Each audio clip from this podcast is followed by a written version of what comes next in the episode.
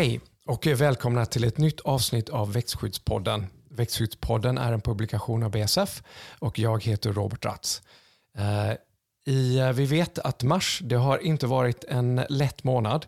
I början av månaden så bildades en så här Arctic Blast som spred kyla från norr över Sverige och eh, som min lilla dotter också har observerat så snöade mer i Malmö här under mars än vad det gjort resten av vintern. Och även nu här när vi spelar in det här i slutet av mars så kommer det mer kyla och idag har det även snöat lite. Men som vi alla vet som jobbar med jordbruket så vet vi att våren kommer. Eh, och med det så kommer ju höstrapsen och höstvetet verkligen kicka igång och behöva växa. Så vad är det vi ska tänka nu här, uh, tänka på när det gäller växtskydd för att säkra en välmående gröda här också i början av vårsäsongen? Och för att uh, svara på den frågan så har vi med oss Mats Kilani som är tillförordnad produktchef för växtskydd på Svenska Foder. Hej Mats och välkommen till Växtskyddspodden. Tack så mycket. Och också har vi med oss eh, Peter Lövgren, eh, säljchef här i Sverige och Norge. Välkommen Peter. Tack för det.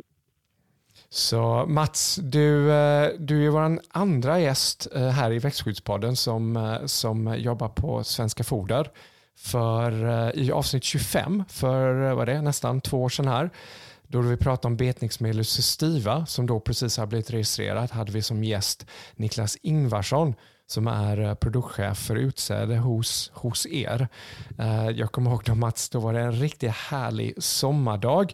Vi var ibland ute på fält och tittade men det, vädret är ju lite annorlunda idag med snö och allting. Det kan man ju säga. Jag tittar ut genom fönstret här så ser vi ju att det snöar i Trelleborg i alla fall. Mm. Jag vet inte hur det gör i resten av Sverige men det är ju rätt ovanligt. Ja, men det är det. det, är det. Men eh, Mats, eh, som sig bör, du vill kanske börja med att introducera dig själv och vad din bakgrund är? Ja, det gör jag gärna. Jag är ju grunden lantmästare och har jobbat på många växtskyddsföretag under mina år. Och de senaste tio åren så har jag varit på Svenska Foder. Dels som produktchef växtskydd och även som säljare de sista åren. Och eh, har nu hoppat in igen som tillfällig produktchef så att säga. Mm. Eh, och jag jobbar ju eh, mycket med växtskydd överhuvudtaget ju, kan man säga. Och eh, introduktion vad jag håller på med för övrigt så är det så att eh, jag har även eh, ett projekt som heter 612 där vi försöker att eh, öka skördarna hos lantbrukare. Och, eh, bakgrunden till det är ju att eh, har man x antal hektar så kan man försöka få ut så mycket på dem som möjligt istället för att köpa dyr jord. Och det har ju visat sig vara mycket, mycket, eh, vad ska man säga, givande för både lantbrukarna och oss. Mm. Eh, på de här gårdarna prövar vi även nya strategier och mäter dem. Så eh, det är framtiden, tycker jag, vi håller på med. Mm. Ja, men spännande, men det tycker jag vi kan eh, återkomma till eh, lite senare här när vi pratar lite strategier och program och så. Så är, är växtskydd det mm. du tycker då kanske är mest spännande med ditt jobb? Med ditt jobb? Eller vad skulle du säga är mest spännande? Jo, men det är det. Alltså att eh, jobba för lantbruket och eh, dess hållbarhet är ju fantastiskt roligt att hålla på med. Mm. Okej. Okay. Nej men eh, bra. Så ifall vi då, ja, ifall vi nu ska, kanske, jag nämnde höstrapsen här och höstvetet, men ifall vi börjar med höstrapsen, hur skulle ni säga, hur ser det ut i markerna nu? Det har ju varit en eh, kallare period. Ja, eh, det var ju väldigt skiftande för eh, om vi går tillbaka en månad, två. Eh, då såg det ut som att det var väldigt mycket höstrapp som höll på att eh, utvintra. Eh, där märkte vi också att det var en stor skillnad mellan om man hade Karexbehandlat eller inte. De fälten som var Karexbehandlade och där vi hade lämnat lite nollrutor eh, var ju jättestor skillnad. Och, detta året har ju verkligen varit avgörande det finns ju andra orsaker också som vi kan komma tillbaka till, och jag kan ta dem nu kanske. Det är ju alltså hur man sår höstrapsen. Mm. För eh, det är på det viset att om vi tittar på höstrapsen så den som mår bäst, det är ju där som rötterna har gått längst ner. Den som når sämst, det är där inte rötterna har kunnat gå ner, det var hårt i marken, då kommer ju tillväxtpunkten automatiskt uppåt. Och de har verkligen fått stryk. Men där har ju Karox hjälpt till och eh, fått eh, det till att få en bättre övervintring, helt klart. Eh, det har ju skett en klar förändring nu de sista dagarna när det blev lite varmt. Det blev 11-12 grader. Plötsligt så var det ju gröna rader i rapsen. Från att ha sett eh, rent dött ut så har det ju tagit sig väldigt, väldigt bra. Eh, väldigt, jag tror att eh, rätt så mycket raps kommer till att överleva. Väldigt lite kommer till att behöva köras upp. Vi har ju sett det att nere på tillväxtpunkten så kommer det nya gröna skott. Ju. Och, eh, det borgar för att det ska bli raps även i år. Ja, men det låter ju väldigt positivt. Och Mats, jag tror det du sa här, det refererar ju eh, mer till södra Sverige tänker jag. Och, eh, men Peter, du kör ju kanske lite mer här i Mellansverige. Hur skulle du säga att det ser ut där du varit när du ser på rapsfälten? Mm. Eh, lite, lite det som Mats pratar om ser ut i, i Mellansverige. Men även om vi just nu då, beroende på var vi är i Mellansverige, så, så är det lite täcke med snö på rapsen här då. då. Men innan den här sista snön kom så, eh, så kunde man se här ute i fälterna att eh Eh, det som är Karix behandlat ligger ju väldigt nära backen då, då och, och väntar på att komma igång här. Då. En del av det har kommit igång och så var det lite kallt och så har det stannat tillbaka. Men så fort vi får ny start igen här så kommer det att dra igång igen. Då, då. Så lite liknande som Mats nämner här, men, men ja, det, det, är lite efter här uppe i Mellansverige som sagt. Och, och, just nu så är det skyddat på sina håll av lite snö, men på andra håll så är det inte skyddat av snö och det är kalla nätter. Så jag tror att vi kommer se skillnad här efter den här kallperioden, vilka som har Carix eller inte Carix. Mm. För jag vet själv, eh, vi såg på en ganska stor dansk lantbrukare här eh, för några veckor sedan och de hade ett helt ödelagt fält av, av höstraps medan deras granne hade fina, fina gröna plantor och bägge hade använt Carux. Men skillnaden var att eh, grannen hade använt en högre dos, jag tror 0,7 gentemot 0,5. Men också att den danske lantbrukaren var en ganska stor grisproducent och då på slutet av året var tvungen att göra sig av med sitt stallgödsel. Hade då lagt ut sen som då gjorde att eh, plantorna fick väldigt mycket energi på slutet där och då blev mer exponerade. Eh, lite som du säger där Eh, Mats tidigare, liksom att ja, men sticker iväg för mycket då blir det exponerat. Så i det här, just i den situationen så blir det ju lite mer gas eh, och, och lite för lite broms kanske. Så, eh, så allt, allt, all, alla situationer är ju inte samma och det varierar ju en del. Men skulle ni säga att alltså finns det redan nu kanske några lärdomar man kan dra för nästa år eller något man då ska ta med sig? Ja, alltså det jag säger ju att vi såg ju rapsen tidigare och de sorterna vi har idag, de sticker ju gärna iväg på hösten.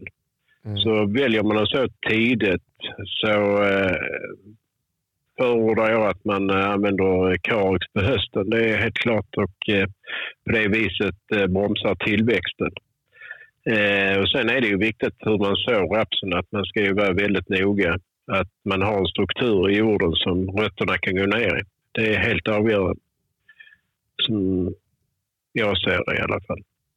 Jag håller med absolut och vi, ser den. Och någonting vi tar med oss, som vi kanske lär oss lite förra året med, det är ju att vi inte väntar för länge med att vi gör behandlingen heller. Det ska vara en tidig behandling med kari. Vi får inte fuska med dosen. Just det du nämner i, i Danmark, Robert, man kör bara 0,5 och man kör tidigt. Det räcker inte riktigt. Vi behöver köra minst 0,7 och vi ska köra tills vi har de här fyra, fem bladen på rapsen. det är då vi ska ut och köra. Vi ska inte vänta tills vi har 7-8 blad. Så det har vi lärt oss här nu. Ju tidigare vi kör, ju bättre effekt får vi. Men vi får inte fuska med dosen i det här fallet. Utan det gäller att hålla upp den här dosen för det ska räcka hela hösten ut och se till att plantan går in med bra energi och verkligen kan klara den här vintern. Då. Mm. Okej, okay. och vi vet ju också att tillväxtreglering det fyller ju två funktioner. Det är liksom bromsa på hösten här för att försöka säkra den här övervintringen som vi pratar om och stärka rötterna. Men den har också en funktion på våren. Eh, och vad skulle ni, vad skulle ni säga, vad är den funktionen? Ja, vi tittar på det vi har gjort så ser vi ju att eh, om man kör Carex på våren så gör man ju, eh, eller vad säger man, man sätter ju plantan lite så den inte blir så hög. Och eh, då minskar man risken för liggsäd. Man får ju en bättre skottbildning. Sidoskotten kommer mer till sin rätt och eh, på de sorterna vi har idag som inte avkastningen sitter i toppen så är sidoskotten mycket viktiga att få med. Och det vi har sett är ju att man behöver inte så många plantor per kvadratmeter som man pratade om förr utan 15-20 stycken är optimalt ungefär för man har dem i bra kondition. Mm. Mm. Absolut, jag håller, jag håller med Mats där, eh, just den här biten att vi får med oss sidoskotten upp med så att de blir i, jämn nivå med huvudskottet. och Framförallt de blommar ungefär samtidigt för att vi ska få med oss en, en jämn skörd med dem. Det är ju väldigt viktigt här och, och det hjälper ju Karek till med. Vi, vi, vi, vi dels reducerar vi som sagt höjden på dem, men vi får med oss sidogrenarna och så minskar vi risken för att det ska börja luta. Då, då. För, för den här lutningen är ju inte bra heller. Det har vi ju mätt lite grann här och sett att vi tappar ju skörd då som sagt. Så det är ju de viktigaste delarna man kör Carix på, på våren. Så jag, jag håller med dig Mats där. Sen är planttätheten, den kan variera lite grann beroende på var man är i landet med då, och vad man har för typ av eh, så möjligheter med. Då. Men, men absolut, så generellt sett så har vi många gånger för hög planttäthet ute i marken. Helt rätt. Mm. Yeah. Nej men precis, jag tror just det här som ni också pratar om, den här lutningen, bara en liten lutning, jag tror vi pratade några år sedan för med Sören Severin i en av poddarna, och då pratade just det här, bara 10-15, vad är det, några, tror jag 20 eh, graders lutning gav redan 10-15% tapp eller något sånt. Så det, den biten ja. finns där. Men eh, ni pratar ja. lite om höjd. Finns det någon, vad ska jag säga här på våren, finns det någon perfekt höjd när rapsen ska behandlas eller när, när är den behandlingen rekommenderad? Jag vet inte vad du säger Peter, när rekommenderar ni eh, bästa effekt? Ja, bäst effekt får vi när vi har fått igång tillväxten. Inte den här allra första, som har, det kanske redan var igång lite grann som du nämnde, lite lite enkelt. Men när det börjar skjuta fart i rapsen, det är då vi ska ut och göra behandlingen. När vi ser att nu har vi en, en period med varma dagar, inte så, det kanske funkar med någon kall natt, men eh, när, när det inte är för kalla nätter utan det är varma dagar, då misstänker vi nu skjuter rapsen fart. Det är då vi ska ut och behandla. Sen kan det variera lite grann. Ibland har man sagt att det ska vara uppe i stövelskaftens höjd eller i fotledens höjd. Men men det beror ju så väldigt mycket på vilken sort man har. Vi har ju variation i sortmaterialet med. Så det, den viktigaste tidpunkten är när rapsen börjar att sträcka på sig. Det är då vi gör behandlingen. Mm, det håller jag med om. Helt klart. Och sen det här med liggsäd också. Det är ju inte så jätteroligt att tröska när rapsen ligger ner. Eh, det medför rätt mycket problem. Mm. Jo, det har du helt rätt i Mats. Man har ju sett bilder på marken hur det ser ut när tröskeln har varit tvungen att gå fram och tillbaka för att få med allting. Mm. Och, och, det är just det här med lutningen med. Även om det inte kanske blir så mycket att det lägger sig ner helt och hållet. Även om du nämnde det här Robert, att Sören var inne på det tidigare. Så lutar det då, säg mellan 20-25 grader, det är inte mycket lutning, men då får du ändå den ena sidan att bli mera sol på sig och den andra får lite mer skugga. Så vi får mera lite ojämnt och på så vis får vi mera grönt eller vi får inte lika jämn mognad i plantan då. Så det är viktigt att vi får ner ljuset i hela plantan så att det inte är någon del som blir mer skuggad i det här fallet. Så det är också en viktig bit. Även om det inte blir platt på backen så, så lutar det 25-45 grader. Vi tappar skörd på grund av det, på grund av att vi får mer ojämn mognad helt enkelt. Mm. Och det, ja, det är riktigt. Och det ni sa här med att sträcka på sig, är det, finns någon, speci vad ska man säga, någon specifik jord eller lufttemperatur som man ska försöka orientera sig efter? Vi börjar egentligen med tillväxten. Vi har de här 4-5 grader ute, men det gäller ju att börja det dygnet runt i stort sett för att vi ska få en tillväxt. Men många gånger så, så blir det ju den här dygnstemperaturen kanske blir 4-5 grader och då har vi många gånger 8-10 grader på dagarna, sen har vi neråt nollan på dagarna. Det är då vi börjar se att det börjar växa. Och det här kan ju vända väldigt fort. Eh, och bli, det kan ju bli 8 grader dygnet runt med naturligtvis. Mm. Den, den, är svår, men vi ser ju så fort det börjar bli en dygnstemperatur där på, på 5 grader, då börjar ju rapsen dra iväg. Mm. Björnen, och du sa ju ändå att det fanns ju en viss eh, logik i stövelskaftet. Eh, när det börjat växa, som man ser att det växer, så eh, är det ju dags att köra bara. Mm, precis. Okej, okay. ja. Uh, och jag har, också, jag har också hört att det finns en stor skillnad här mellan raps och spannmål eller höstvete, nämligen att när höstveten når sin mognad så är det ju där den själva maxskördepotentialen finns. För, då, för den, vilket sen bara minskar ju senare den, den skördas. Medan för raps så är det ju tvärtom så fortsätter ju frön att fyllas även efter mognaden, att den har nåtts. Och skörden blir ju högre ju senare den skördas. Och det, då betyder det att då måste man ju skörda höstvetet kanske först och sen rapsen ifall det går. Men då måste ju skälken kanske också vara stark nog för att kunna hålla de här tyngre eh, baljorna. Hur, hur ser ni på det?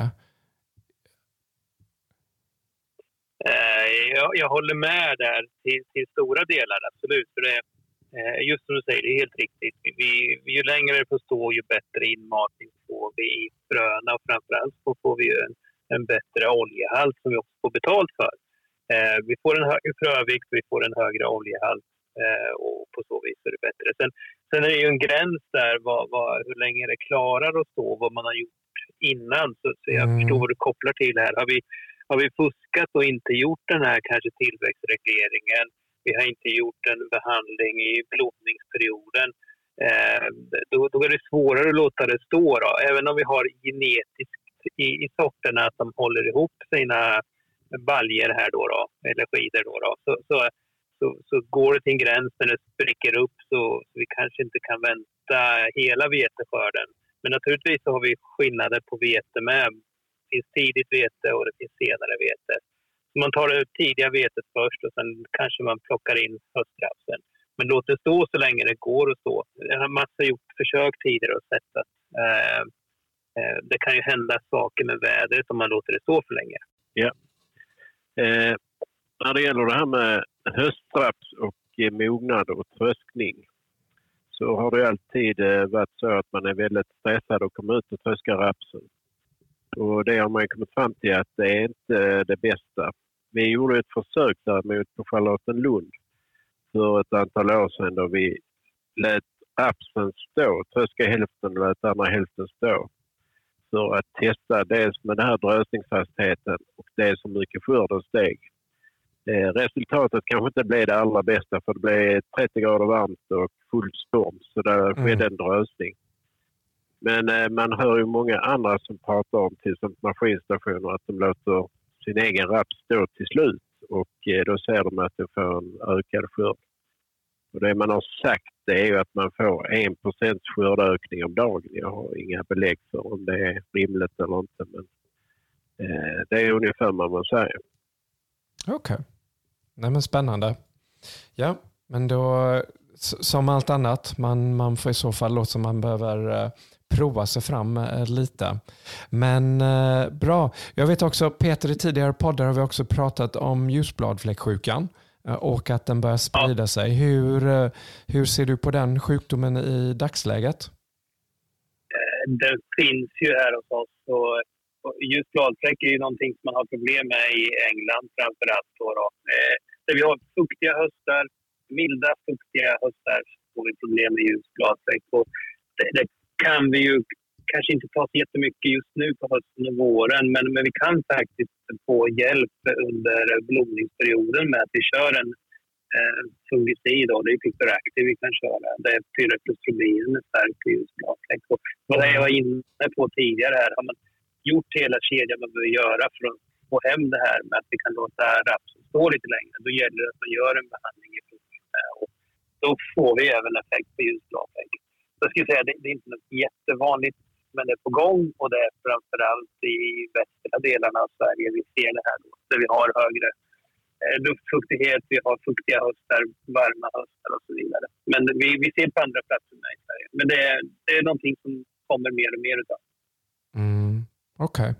Uh, och Peter, du var inne lite här på Picture Active. Eh, uh, tro det eller ej, det är ju för där i blomningsperioden. Vad, uh, vad, vad ska jag säga, vad rekommenderar ni i den, för den behandlingen? Den, man kan göra på lite olika strategier här, men vi, vill ha huvudalternativet är att man kör en gång. Då kör man ju eh, Picture i full blom och full blom är ju när plantan huvudskottet har hälften av blommorna framme. Många gånger är det mycket tidigare än man tycker man är ute och kollar i fälten. Men hälften av huvudskottets blommor är framme. Då har vi fullblommat i stadiet 65. Och det är då vi ska köra här. Och då rekommenderar vi att man kör de här eh, 0,7 gärna upp till en liter beroende på hur det ser ut. Vi har inte någon riktigt bra prognosmodell. Det är svårt att få fram det. Men har man haft bomullsmögel i fältet tidigare. Man har mycket regn under perioden när det är blomning och så vidare. Eh, så, så, ska man absolut vara på det högre dosspannet där en liter. Eh, är man så att man inte haft det tidigare så kanske man kan gå ner till det är en, en rekommendation vi har. Sen kan vi också dela det här. Då kör man ju lite tidigare. Då, då kör vi 0,7 i tidigt läge, alltså strax innan 65. Sen kör vi en gång senare i full blom eh, med 0,3 då. då. För då, eh, då har vi täckt upp skyddet mot antinaria lite bättre och även om vi skulle få längre blomningsperiod. Så att, eh, två olika strategier. Eh, merparten kör den här enkelbehandlingen men vi har sett att det är lönsamt att göra dubbelbehandling. Det säger det också att med de rapspriserna vi har haft så har ju eh, aktiviteten för att köra bomullsmögel eller fungicidbehandling i raps ökat. Eh, och eh, två gånger, det är inte många som kör, men jag tror att två gånger skulle vilja, många vilja köra så att säga. Och det beror på att de är rädda för körskadorna. Och där är ju gjort eh, studier på det visar att de är inte så eh, jättestora. Om man har kört redan en gång så skadar man inte så mycket den andra gången. Och det viktiga är där att eh, komma ut med Pictor Active och kometdelen och greening-effekten gör att den kan stå lite längre också. Sen vilka produkter, Pictor Active är jättebra absolut i början och sen kan man ju, om man vill, avsluta med Propuls för att man vill byta preparat. Och, och Mats, du sa just den här eh, med kometdelen och vissa av de kanske de här fysiologiska egenskaperna. För det jag förstått är att det finns ju inte en direkt prognosmodell för bomullsmögel utan man ser det ibland som en slags eh, försäkring just den här behandlingen. Eh, men kan man inte då kanske argumentera eller säga att med kometdelen i Pictoactive så, så ger det kanske också en viss vad ska man säga, förhöjd stresstolerans eller liknande och det, här, det du sa också Mats, alltså en lite förlängd greening helt enkelt. Mm. Jo, det ser man ju klart och tydligt att eh, det har positiva effekter. Det kan man ju se hur skälken ser ut på rapsen när man har behandlat eller inte behandlat. Så att det är helt klart att det gör stor nytta. Jag vet inte vad du säger Peter, om du har sett något liknande? Jo, jo, jo men det stämmer absolut. Det är, eh, hjälper ju till just att minska stressen. Och den här minskade stressen minskar ju då att det spricker upp med i, när vi börjar komma närmare skörden. Så det är absolut är en viktig del att, att hjälpa grödan. Och även som du säger, det är ingen riktig prognos, men, men väderläget sådant, eller historiken framför allt, att vi har boningsmögel. Det behöver inte vara på samma fält, det kan vara på gården i dess närhet. Då bör man göra en, en behandling eh, i blodningen. Mm. mm. Håller med dig. Ja. Okej. Okay. Men det var väl lite om, om rapsen så kanske vi ja. kan eh, glida över till höstvetet lite. Hur, eh, hur skulle ni beskriva situationen för höstvetet här i landet? Om vi tittar på här i södra Sverige så ser det väldigt fin ut. Den har inte alls tagit skada av den vintern som eh, har varit. Utan eh den är ju väldigt kraftig kan man säga. Det är god tillväxt. Det är många som redan har varit ute och gjort första kvävekörningen, gödselkörningen i höstvetet. Eh, och eh, som det ser ut nu med det vädret vi har så tror jag det är riktigt att vi har lagt någon typ av kväve till höstvetet för att efter det här regnet kommer säkert torkan och eh, det slår ju om väldigt snabbt Mm. Och har man inte lagt någonting då och försöker lägga någonting sen så blir det inte så bra. Peter, där du kör i norra Sverige, hur skulle du säga det ser ut? Uh, ja, uh, vi, vi får hålla oss till Mellansverige. Mellansverige. Ja. ja. Och, um, där, det, det, det, varierar faktiskt lite grann runt omkring vart du är här, både öst och väst och, och Mälardalsregionen. Då, då eh, där jag tycker det ser eh, förhållandevis bra ut. Det finns fält som ser eh, tunna och tråkiga ut med, men, men det, det har varit en del grönt, framförallt i östra Sverige då, då där jag bor själv har det varit relativt grönt och fint en period nu. Nu kanske det tar lite stryk av kalla nätter här. Kommer upp i Mälardalen så är det generellt sett tycker jag det ser bra ut, men det, man ser fler fält som är mer påverkade nu kommer det här då. Och västra Sverige tycker jag det har sett ut ungefär som i östra Sverige. Så generellt sett ser det bra ut. Ja. Mm. Men det låter ju positivt. Så, eh, och sen eh, där nu om man tittar på själva de, de närmaste behandlingarna som kommer ju så har vi ju bestockning, Eh, T, det vi kallar T0 eller stråskjutningen T1 och sen självklart om några månader eller någon månad flaggblad T2 axgången i, i, i T3. Mats, hur skulle du säga hur, eh, hur, eh, vad, vad, vad kännetecknar kanske just de här tidiga stadierna, best, tidigare stadierna bestockning och stråskjutning? Ja, bestockningen den är ju en bit fram i nu. Eh, om vi börjar i T0 så är det ju eh, något som har börjat diskuteras lite mer. Och, eh, det är framförallt då att man kör eh, psykosel för rotutvecklingen.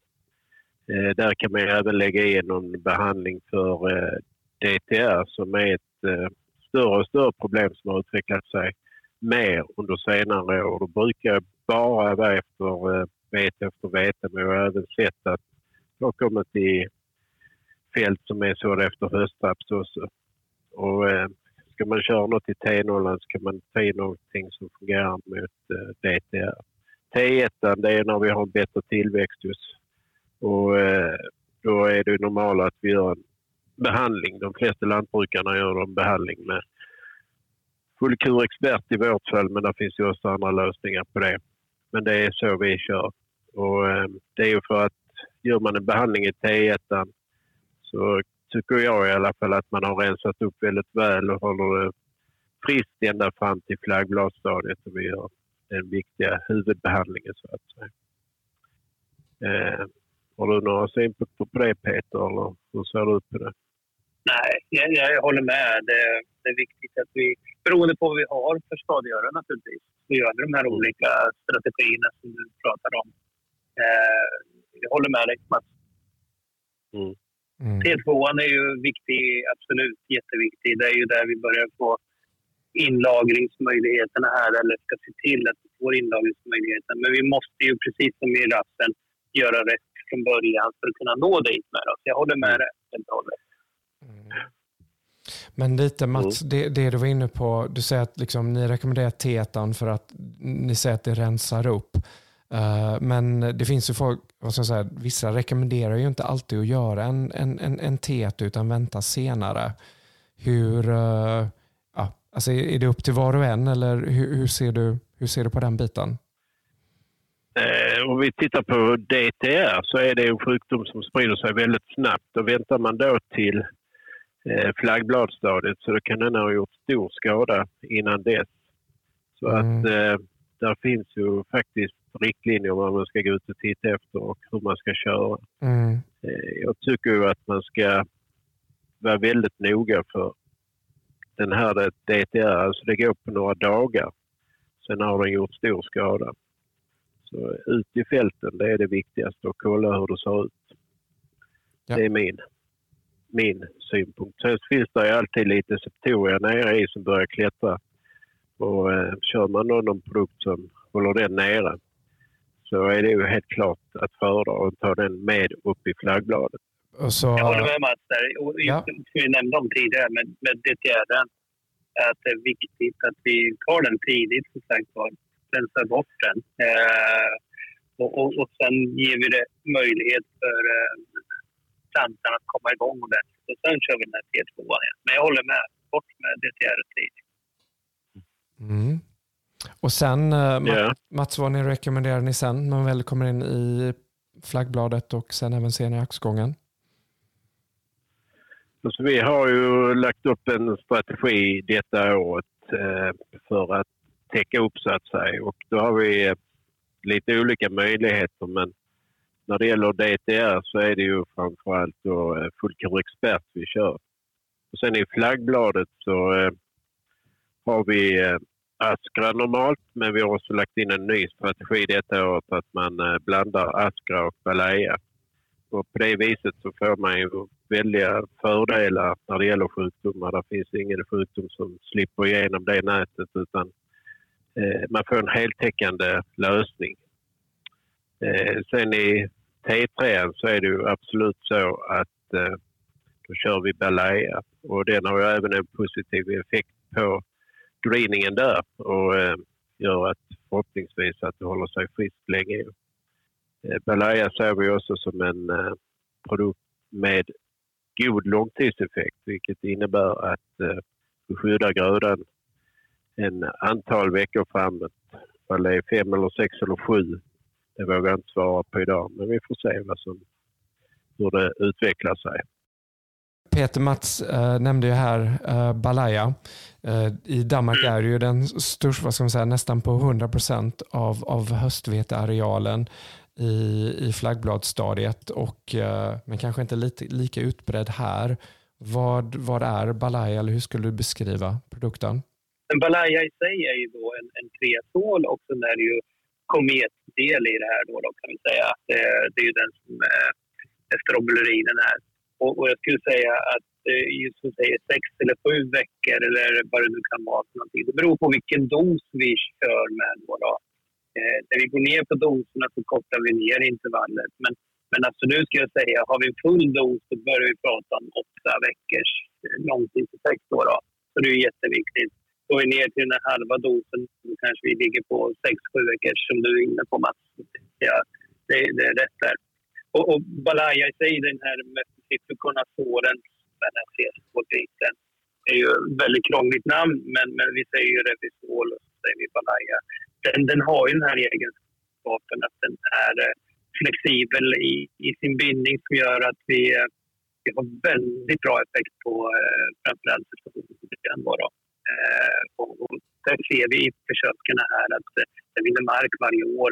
Där vi, där vi får lite försämrad effekt på vissa produkter mot just Victoria men där de här revisorprodukterna stärker sig eh, hela tiden. Så att, eh, absolut, Balaya en stark, säker produkt som vi kan använda i de här olika stadierna. Mm.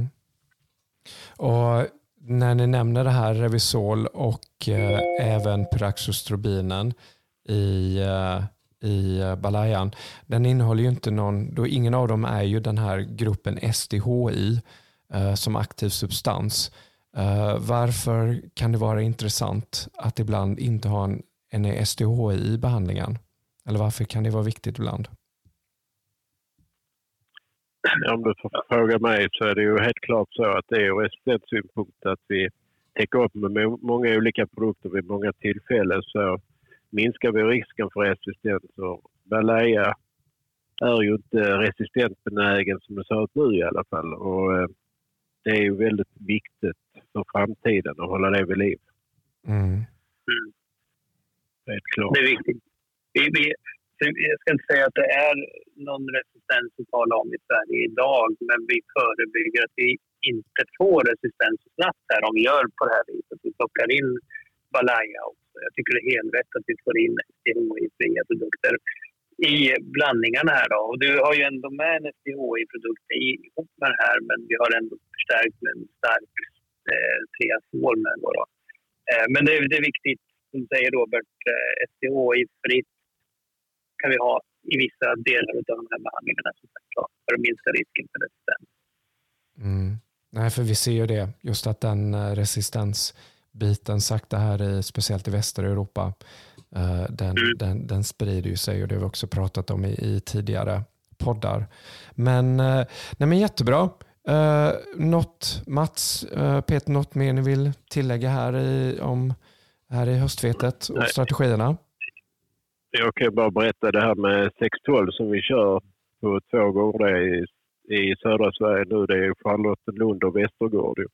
Mm. Eh, där prövar vi hela tiden olika strategier och mäter dem också. Eh, det vi kommer att göra i år är ett försök att hålla hela plantan grön från början till slut. Eh, man pratar ju ofta om att 80 procent av skörden sitter i flaggbålet och axet på höstvete. Eh, de andra 20 procenten ska vi också få med. Och eh, då börjar vi väldigt tidigt med... Vi kör fyra behandlingar. En som vi kallar T0 där vi kör då eh, Psykosel ihop med en eh, Proline så att säga för att eh, rensa upp redan där mot eh, DTR. Sen fortsätter vi i T1 och köra Askra. Och den har också mycket bra effekt på DTR då i T2 så går vi in med en full dos Balaya. Och i axgångsbehandlingen, så att säga T3, eh, där kommer vi köra också Balaya. Och så kommer vi möta det jämfört med hur det ser ut på resten av gården. Se vad som har gett effekterna av detta eh, i år. Mm. Eh, rapsen är betydligt svårare att eh, hitta vad som ger skördeökningar där. Men eh, vi kommer även köra olika behandlingar där med eller vad heter det, i blomningen med en och två behandlingar och se vad skillnaden blir. Mm. Nej, men jättebra. Yeah. Det blir, Mats, det blir jättespännande att se hur, eh, hur, hur det går. Så nej men bra, jag tänker vi väl börjar komma mot slutet här. Uh, för att runda av, är det något någon av er vill tillägga eller något ni kanske tycker vi har glömt? Nej, det känns fulländat så här långt. Mm. Håller med. Mm. Vi har pratat om mycket runt omkring just de här bitarna, så att jag håller med. Nej, men bra. Och, eh, nej men perfekt, nej men stort tack till eh, er bägge två. Då. Och eh, för att runda av, Uh, för ni som lyssnar, vill ni veta mer, vill veta mer om BSF är ni välkomna att gå in på vår hemsida agro.bsf.se eller följa oss på Facebook BSF Agricultural Solutions. Vill ni veta mer om Svenska Foder så är ni välkomna att gå in på deras hemsida som är svenskafoder.se. Här på podden tar vi gärna er feedback så skriv gärna till adressen vaxskyddspodden snabla basf.com och eh, vi har även nämnt några produkter idag. Eh, förutom Carux och Balaya och Comet Pro så har vi också nämnt några andra produkter som inte är BSF-produkter. Och eh, Det var Propuls, Folker Expert, Astra X-Pro och Proline. Och de är registrerade varumärken med Bayer. Och eh, Vi har idag också pratat om växtskyddsmedel, så glöm inte Använd växtskyddsmedel med försiktighet. Läs alltid etikett och produktinformation för användning.